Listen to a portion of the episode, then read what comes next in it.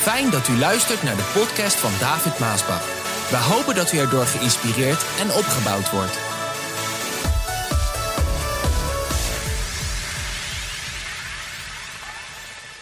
De afgelopen boodschappen die horen bij de serie Wat is er toch aan de hand met onze wereld? En ehm, lieve mensen, als ik naar de wereld kijk en ook vooral het Westen en Nederland, dan maak ik mij toch grote zorgen over de toenemende invloed van de islam.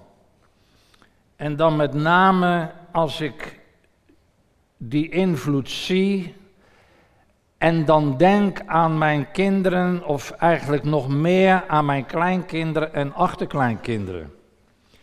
Als ik dan denk in wat voor maatschappij zij moeten opgroeien en ik zie de toename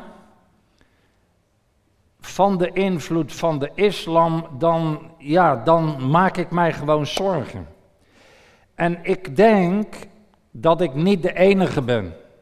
Ik denk met mij velen, velen in het Westen. En eigenlijk dat is wat ik bedoel, de toename vooral van de invloed van de islam in het Westen en dan met name ons Nederland. Want wanneer je naar al het geweld en al het bloedvergieten op aarde kijkt, ook vandaag, dan zie je gewoon dat de islam daar verantwoordelijk voor is.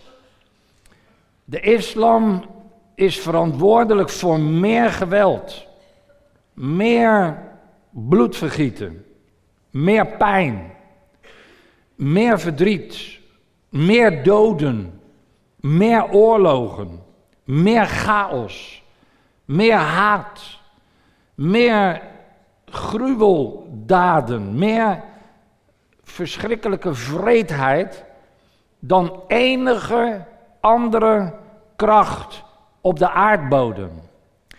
En dit is niet, ik weet wel dat als ik dit zeg, dat er uit bepaalde hoeken, en zeker uit de linkse media, linkse politiek, maar vooral natuurlijk misschien van de kanten van de islam, uh, ja, dan wordt er gelijk geschreeuwd als ik deze dingen zeg dat ik een racist ben. En dat ik een nazi ben. En dat, nou ja, wat voor termen ze vandaag eigenlijk allemaal wel gebruiken voor iemand die dit benoemt. Maar ik benoem dit gewoon als een feit. Dit is gewoon een feit. Dit is, dit is zichtbaar. De vliegtuigen die zich op 9-11, alleen 9-11 is al een begrip geworden in de WTC, de World Trade Center torens van New York hebben geboord, is nou al heel wat jaren geleden, maar dat staat nog altijd op ons netvlies gegrift. Ik kan het nog zo voor me zien. En dat is heel wat jaren geleden. Het heeft wel ons in het Westen in dit licht wakker geschud. Want de boodschap gaat er ook over, wat is er toch aan de hand met onze wereld? Al dit geweld, al die oorlogen, al die vreedheid, al dat bloedvergieten, dat zijn geen incidenten zoals de linkse media ons ja, wil doen geloven. Of de linkse politiek. Het zijn geen incidenten. Het zijn ook niet de extremisten, zoals ze het dan maar willen benoemen. Ja, maar David, niet alle moslims zijn terroristen. Nee, dat is waar, dat beaam ik, maar alle terroristen zijn wel moslims. Denk daar maar over na. Het is niet dus alleen het extremisme waar men het dan nu op wil gooien, waarom deze dingen gaande zijn in de wereld en waar ik me dan zorgen over maak, en ik denk met mij u ook, of velen, dat dit ook in ons eigen Nederland steeds meer invloed krijgt, grip krijgt en gaat gebeuren.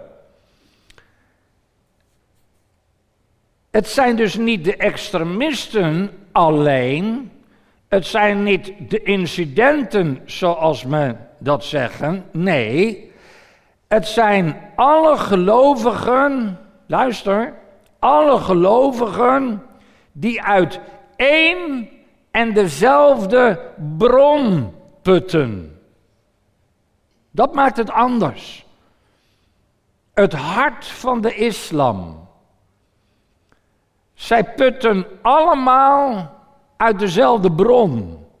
Hoe extreem de ene is, misschien de ander wat minder en de andere nog gematigder.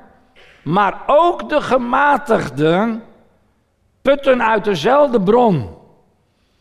En uiteindelijk, als het puntje bij paaltje komt, als het erom gaat, staan ze allemaal aan dezelfde kant. Vraag. Wat is het hart van de islam? En ik ben blij dat ik het antwoord kan geven vandaag. Het hart van de islam is niet hetzelfde als het hart van het christendom. En ik ben nogmaals blij dat ik hier onderwijs ook over kan geven, niet alleen aan de christenen, maar ook aan de moslims. Want ik denk dat vele christenen dit niet weten waar ik vandaag over spreek. Maar ik denk zelfs dat er heel veel moslims niet weten waar ik vandaag over spreek.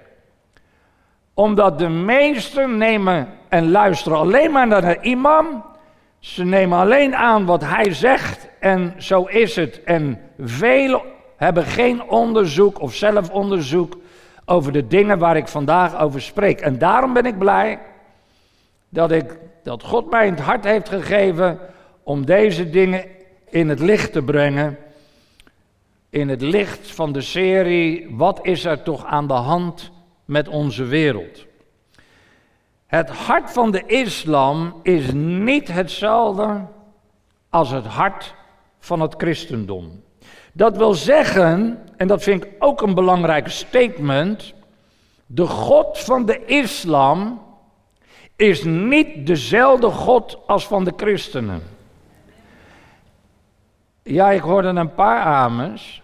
Dat betekent dat ik niet in mijn eentje hier sta. Ik zal dit herhalen, zodat het goed duidelijk is, ook voor de politiek, maar ook voor heel veel christenen. De God van de islam is niet dezelfde God als van de christenen. Met andere woorden, Allah en God zijn niet één en dezelfde. Het zijn twee totaal verschillende bronnen. Het zijn twee totaal verschillende fundamenten. De moslims hebben Allah, de christenen hebben God. De moslims hebben Mohammed, de christenen hebben Jezus. De moslims hebben de Koran, de christenen hebben de Bijbel. Dat is niet één en hetzelfde. Dat zijn twee verschillende bronnen en twee verschillende, totaal verschillende fundamenten. Wat de politiek probeert, en met name de linkse en de media, zij proberen vandaag die twee fundamenten in elkaar te schuiven. En ik zal u vertellen, ik zal jou vertellen, dat zal nooit, nooit, nooit lukken. Omdat er twee verschillende fundamenten zijn. Mijn zorg, mijn bezorgdheid is, wat ik zie is dat de islam probeert om de fundamenten van het christendom te vernietigen, zodat hun fundament neergelegd kan worden. Omdat beide fundamenten kunnen niet. Het is het een of het ander. Het oosten heeft het fundament van Allah, Mohammed en de Koran. En het westen heeft het fundament van God, Jezus en de Bijbel. Dat zijn twee verschillende fundamenten. En omdat het nu allemaal verenigd wordt, omdat de grenzen weg moeten, waar we het over gehad hebben. En velen willen het één maken, maar ik zal je zeggen, dat gaat nooit lukken, want die twee zijn niet één. En om dat te begrijpen, moet je weten hoe de islam is ontstaan. En dit is wat vele christenen niet weten. Dit is wat vele politieke leiders niet weten. En ik geloof dat dit is zelfs wat vele moslims niet weten. Hoe het is ontstaan. En dat ga ik je vandaag vertellen. Zodat beide kanten weten dat de God van de islam is niet dezelfde God als van de christenen. Nou, ik denk dat wij wel weten hoe het christendom is ontstaan. Die is ontstaan met de geboorte van de oprichter Jezus Christus. En hij leerde, heb je vijanden lief. Hij leerde, zegen degene die je vervloeken. Hij leerde prachtige, prachtige leefregels. Zalig zijn de armen van geest. Lees de zaligspreking. Zij zullen de aarde beërven. Zalig die, zalig. Hij liet zich als een misdadiger kruisigen.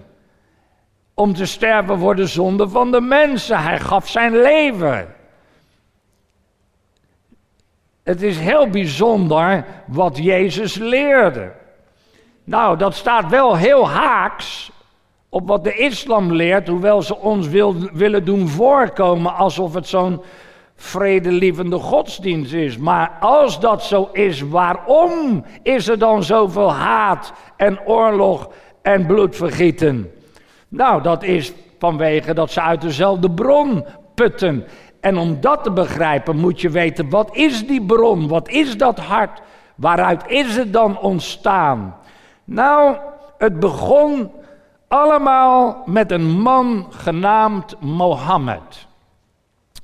Mohammed werd 570 jaar na Christus geboren.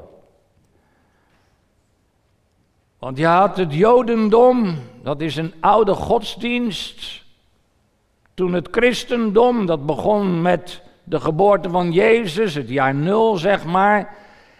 En pas een 600 jaar later ontstond de islam. Eigenlijk in dezelfde tijd als ook de katholieke kerk ontstond. 570 jaar na Christus werd Mohammed geboren in Arabië, in Mekka. In die tijd was Mekka een drijvende kracht in deze wereld, in het Midden-Oosten. Het was het middelpunt van aanbidding van de hele Arabische wereld. Daar heb ik u ook laten zien hoe groot die Arabische wereld is.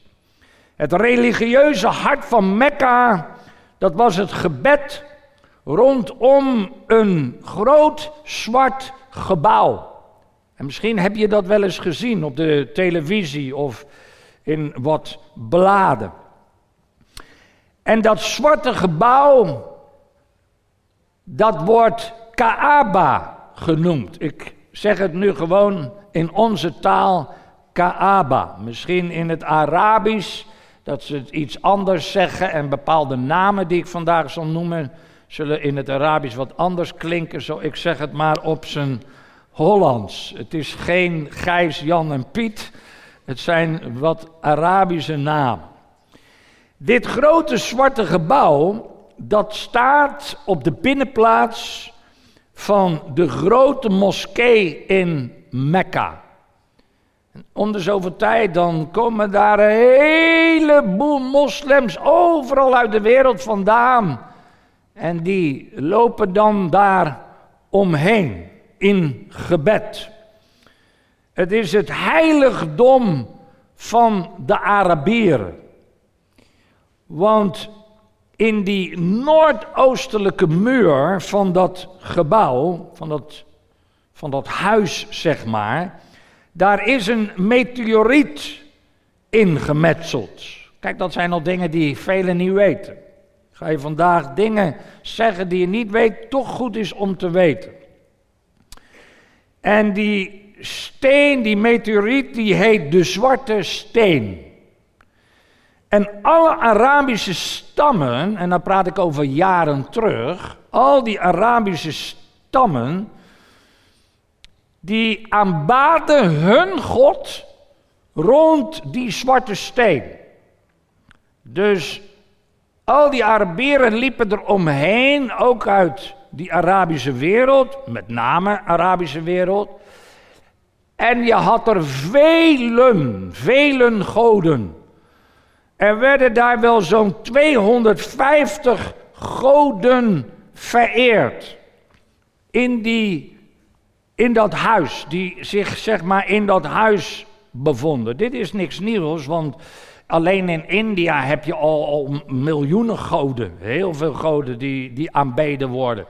Ik was in India, ik ben veel in India geweest trouwens. We hebben ons kinderthuis ook daar. Gaat het heel goed mee, door genade. Maar ehm, dan kwam ik daar in een restaurant en dan hadden ze een schilderij van Jezus Christus. En ze hadden een schilderij van zo'n God met zo'n slurf, weet je wel.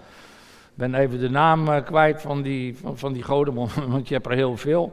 En het was wel lollig, want als ik dan dat restaurant binnenkwam, dan haalden ze dat schilderij weg. Die hingen ze naar achteren en dan haalden ze Jezus, het schilderij, en die hingen ze naar voren.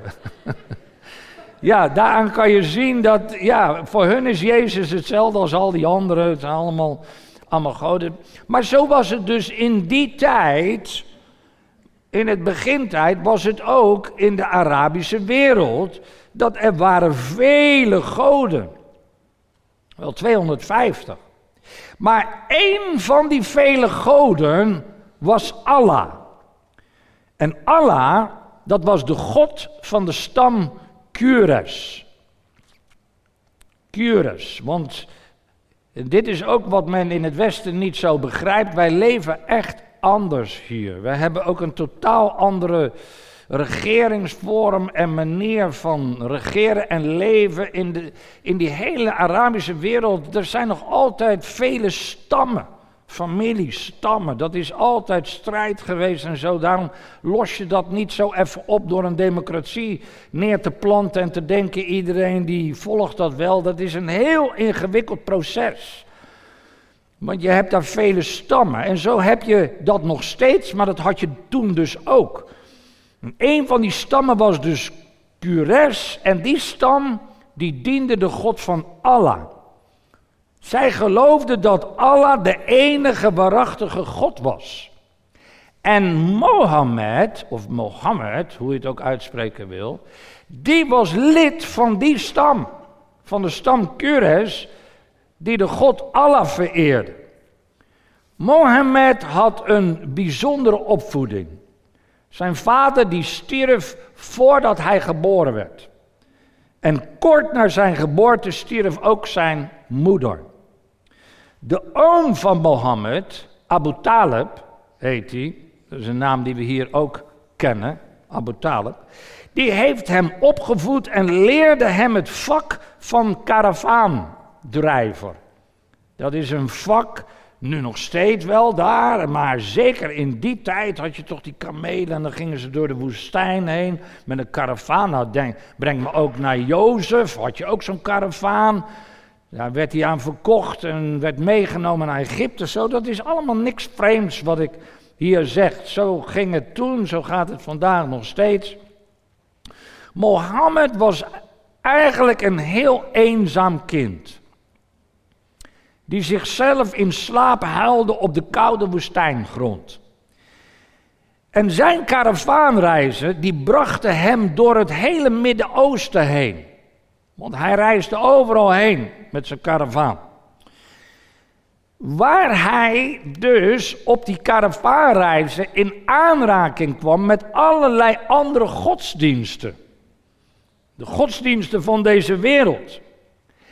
En al heel snel op jonge leeftijd ontdekte hij dat de Joden en de christenen een heel sterk geloof hadden in die ene God. De God van Abraham, Isaac en Jacob. Terwijl de Arabieren allemaal verdeeld waren. Want die hadden vele goden. Nou, vele goden maken ook vaak dat de mensen verdeeld zijn. Want begin in een kroeg niet over godsdienst of politiek, want je komt er nooit uit. Zo, godsdienst verdeelt ook, goden verdeeld. Zo, die Arabieren die waren heel erg verdeeld, omdat zij vele goden hadden. Maar die Joden en de christenen, die waren verenigd in het geloof in dezelfde God. En dat maakte hun sterk. En Mohammed zag dat. Hij zag dat het de Joden verenigde. Hij zag dat het de christenen verenigde. En hij zag hoe sterk zij samen waren in hun geloof in die ene God. En op zekere dag dan komt Mohammed in dienst van een weduwe, genaamd Kedaya. Hoewel zij 15 jaar ouder is, raakte ze verliefd en trouwden ze met elkaar. En Mohammed die werd voorspoedig en Mohammed werd gerespecteerd. Hij had een lieve vrouw en hij had een groeiend gezin. Maar de religieuze problemen, die verdeeldheid die hij onder zijn volk en de Arabieren zag en de eenheid van het volk de Joden en van de christenen, dat verschil, die problemen van zijn Arabisch volk, dat liet hem gewoon niet los. Daar zat hij mee. En daarom ging hij vaak naar de bergen en de heuvels buiten Mekka. Ook niks vreemds, want dat deed David ook. Met schaapsherden. Dan zat hij in de bergen daar en ja, dan ging hij psalmen zingen. En dan ging hij God loven en prijzen en zoeken. Zo, Mohammed deed dat ook. Ging daar naar de bergen toe. En wie doet het hier niet? Dat als je, de, ja, je zit ergens mee. De ene gaat naar het strand, de ander gaat naar het park. Zo, Mohammed, hij had daar die bergen. En dan mediteerde hij op dat probleem waar hij mee zat. En op zekere dag, zo ongeveer 610 jaar na Christus, dan is Mohammed aan het mediteren. In een van de grotten van de berg Hira. Bekende berg, en zeker voor de moslims bekende berg. En daar kreeg hij een hele bijzondere ervaring. Een ervaring dat later het fundament zou worden van een nieuwe religie die de aarde op haar grondvesten zou doen beven. Onvoorstelbaar.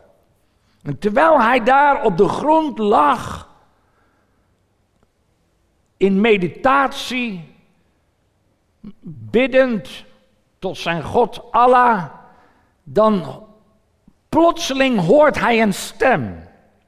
En die stem die zegt tegen hem, reciteer. Nou weten misschien velen niet wat reciteren betekent. Heb ik ook moeten opzoeken in het woordenboek. Maar daarom vertel ik het u. Dat wil zeggen opzeggen. Het wil zeggen voordragen, proclameren, prediken, vertellen, ten gehore brengen. En Mohammed hij was totaal verward, helemaal van streek. Het was een geest. Zo voelde hij dat ook. Het was een geest. En hij kon die tegenwoordigheid van die geest ervaren in zijn grot. Misschien wel de hele berg daar. Het vervulde hem, die hele grot, die hele berg. En Mohammed, hij geloofde dat dat een demon was. Kijk, dat weten meesten niet. En ik vraag me af dus of moslims dat weten. Dat Mohammed zelf geloofde dat die geest daar een demon was. En dat die geest, de bo die boze geest, zich vergiste. Door te denken dat hij een profeet was waardoor die geest tegen hem zei: predik. Ga prediken, ga, ga vertellen, ga verkondigen, ga reciteren. Maar Mohammed was geen profeet. En Mohammed wilde ook helemaal geen profeet zijn. En ook helemaal geen profeet worden. En daarom verzette hij zich tegen die geest. En hij zei: Ik ben geen resultator. En hij hield voet bij stuk. Dat die geest zich vergiste. En even was het stil. Maar het was een stilte voor de storm. Want plotseling kwam die onzichtbare geest met geweld over Mohammed. Onthoud het woord geweld. Die geest kwam met geweld over Mohammed. En hij hield hem zo tegen zijn zin in zijn greep, die geest. Mohammed die probeerde zich daaraan te ontworstelen. Maar het ging niet, want hij dacht zelfs dat hij zou sterven. En zo plotseling als die geest hem vastgreep, zo plotseling liet hij hem ook weer los. En zo ging dat eigenlijk een heel aantal keren door. En elke keer zei die geest, reciteer. En telkens zei Mohammed weer, ik ben geen recitator. En dan, als dit dan zo'n paar keer is gebeurd en hij daar mee worstelt en bezig is in die grot, dan komt Mohammed er plotseling achter dat die woorden uit zijn eigen mond kwamen. Hij sprak het zelf uit. Uit zijn eigen mond. Hij had dingen gezegd die hij niet begreep. En dat maakte hem heel erg bang. Ik denk dat het jou en mij ook bang zou maken als daar plotseling zoiets gebeurt met een geest en je doet dingen en je zegt dingen, je weet niet wat het is en je begrijpt het allemaal niet. Ik kan me voorstellen. En Mohammed, hij rende en hij rende en terwijl hij zich met angst en beven een eind aan zijn leven wil maken door zich van de berg af te gooien, sprak die stem tot Mohammed en zei: Mohammed, Jij bent de apostel van God en ik ben Gabriel. Hallo. Ik ben Gabriel. Nou, ik kan nu al zeggen dat die geest die hem met geweld overweldigde en op zo'n manier met hem sprak tegen zijn wil in en zegt dat jij van God bent en dat dat de engel Gabriel is, dat dat niet de engel Gabriel is.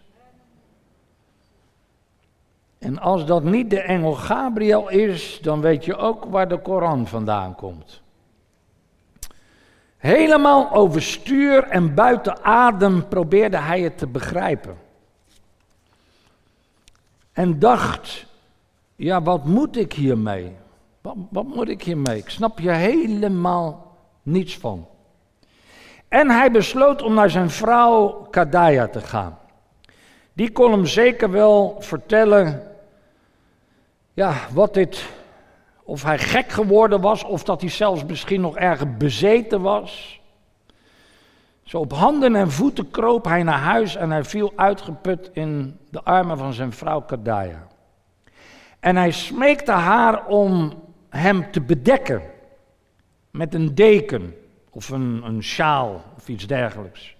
En terwijl zij dat deed, leek hij meer op een profeet als ooit tevoren. Want de profeten die bedekten zich als zij gingen reciteren, als zij gingen, iets gingen voordragen. En dan vertelt hij alles aan zijn vrouw wat hij heeft meegemaakt. En hij vraagt haar, ben ik ben ik bezeten of ben ik het niet? Want daar zat hij mee. En zijn vrouw zegt: Nee, joh, nee. Je bent niet bezeten. Jij bent een profeet van het volk. Dat ben jij. Nou, Mohammed, die wist wat dit betekende. Want hij was lid van de stam Cures. En het volk van die stam was volkomen toegewijd aan hun God Allah. Een van die vele goden die dus in dat zwarte gebouw werden aanbeden. En daarom dacht Mohammed, als ik een profeet ben, dan ben ik de profeet van Allah. Maar goed, nog altijd twijfelde hij heel erg of hij nou bezeten was of niet. Of dat het nou een demon was of niet waar hij mee te maken had, die tot hem sprak. Maar zijn vrouw, die ging daar hevig tegenin. En die kwam met een, of met het briljante idee om Mohammed van zijn twijfels af te helpen. Zij zou naar haar neef Waraka, zo heette die neef, gaan, want dat was een christen. Dat was een priester. En die zou het wel weten. En zo gezegd, zo gedaan. Zij ging naar haar neef en die vertel, ze vertelde dat hele verhaal. En toen die priester, toen die christelijke man dat hoorde, riep hij uit: Heilig, heilig, Mohammed is de profeet van het volk. En toen Kadaya deze woorden hoorde en het overbracht aan haar man Mohammed, legde hij zich neer bij het feit dat hij een profeet was.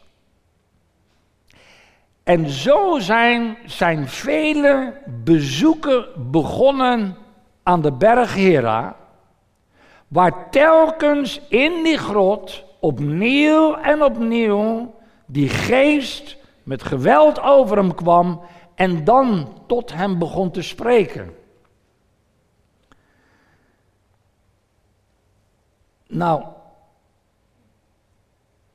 zo is eigenlijk de Koran ontstaan.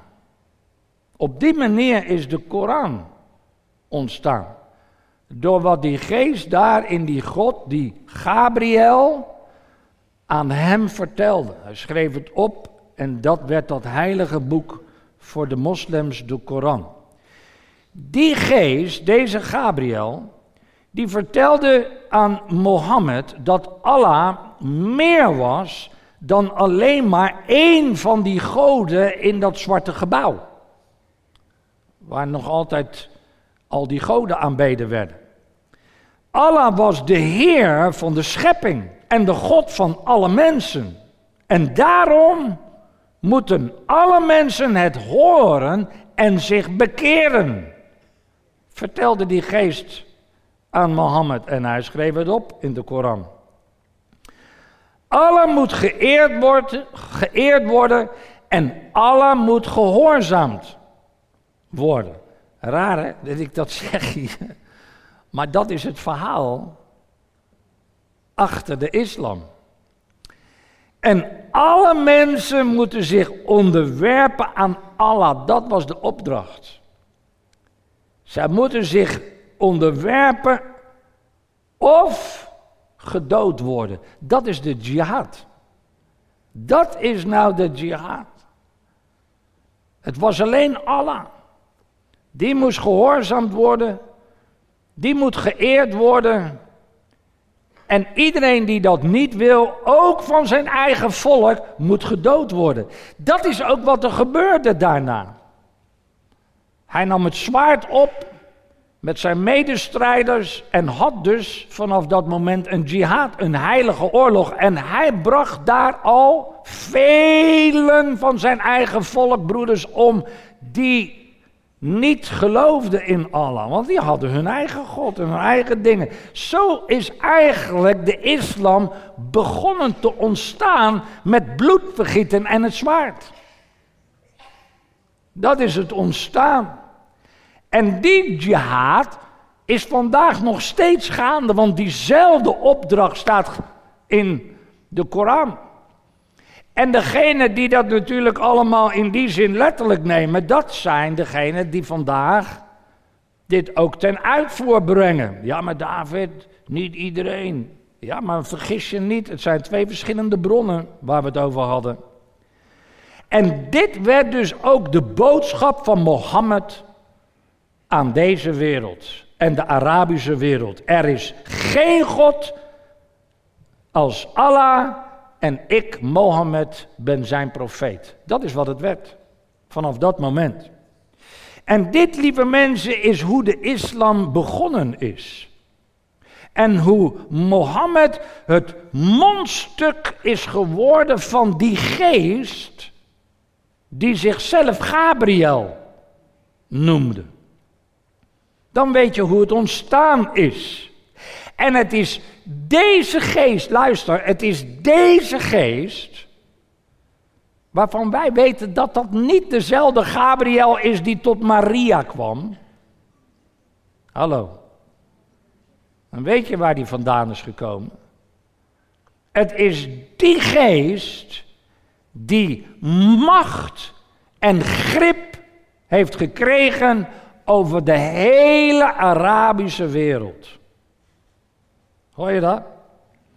Die geest die met geweld en met bloedvergieten ontstaan is. Die geest heeft macht en grip over de hele Arabische wereld.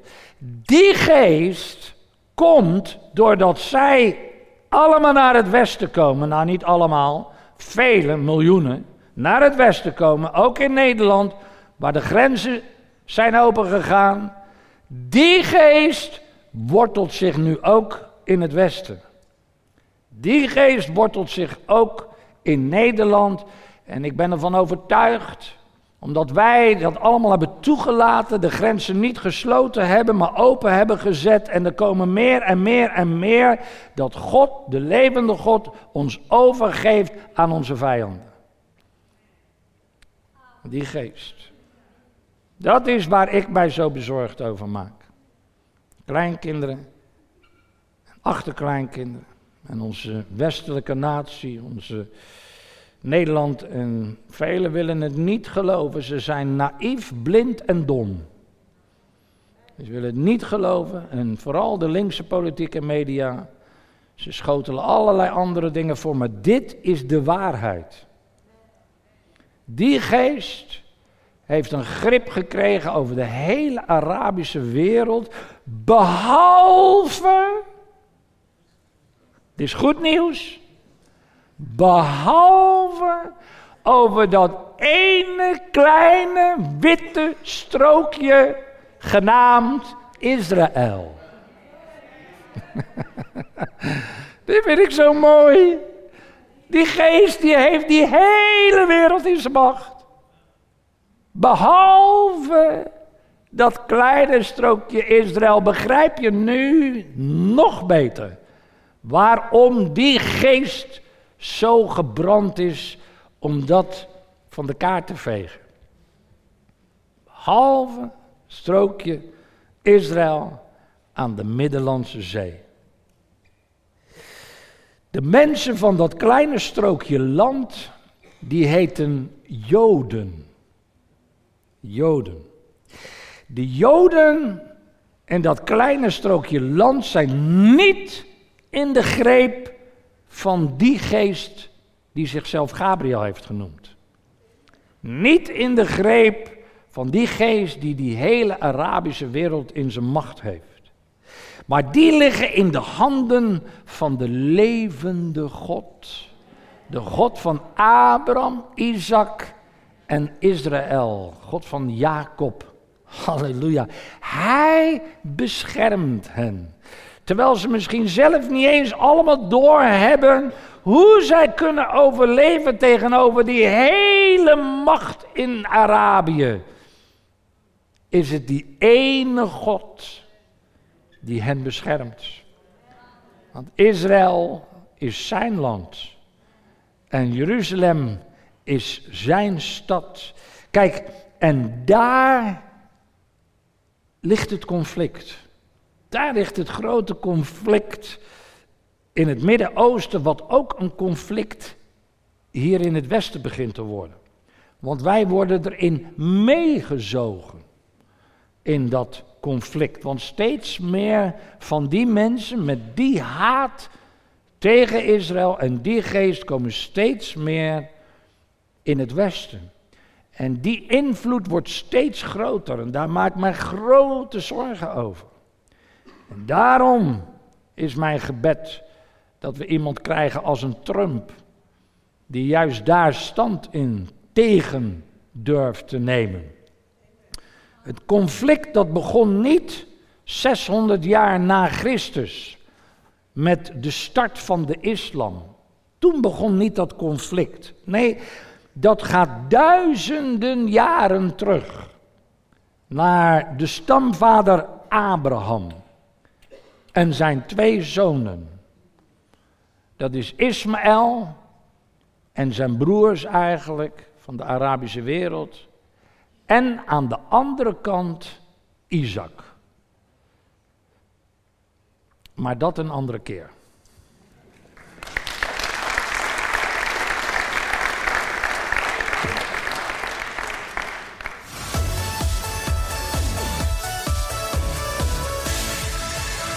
Bedankt voor het luisteren naar deze podcast.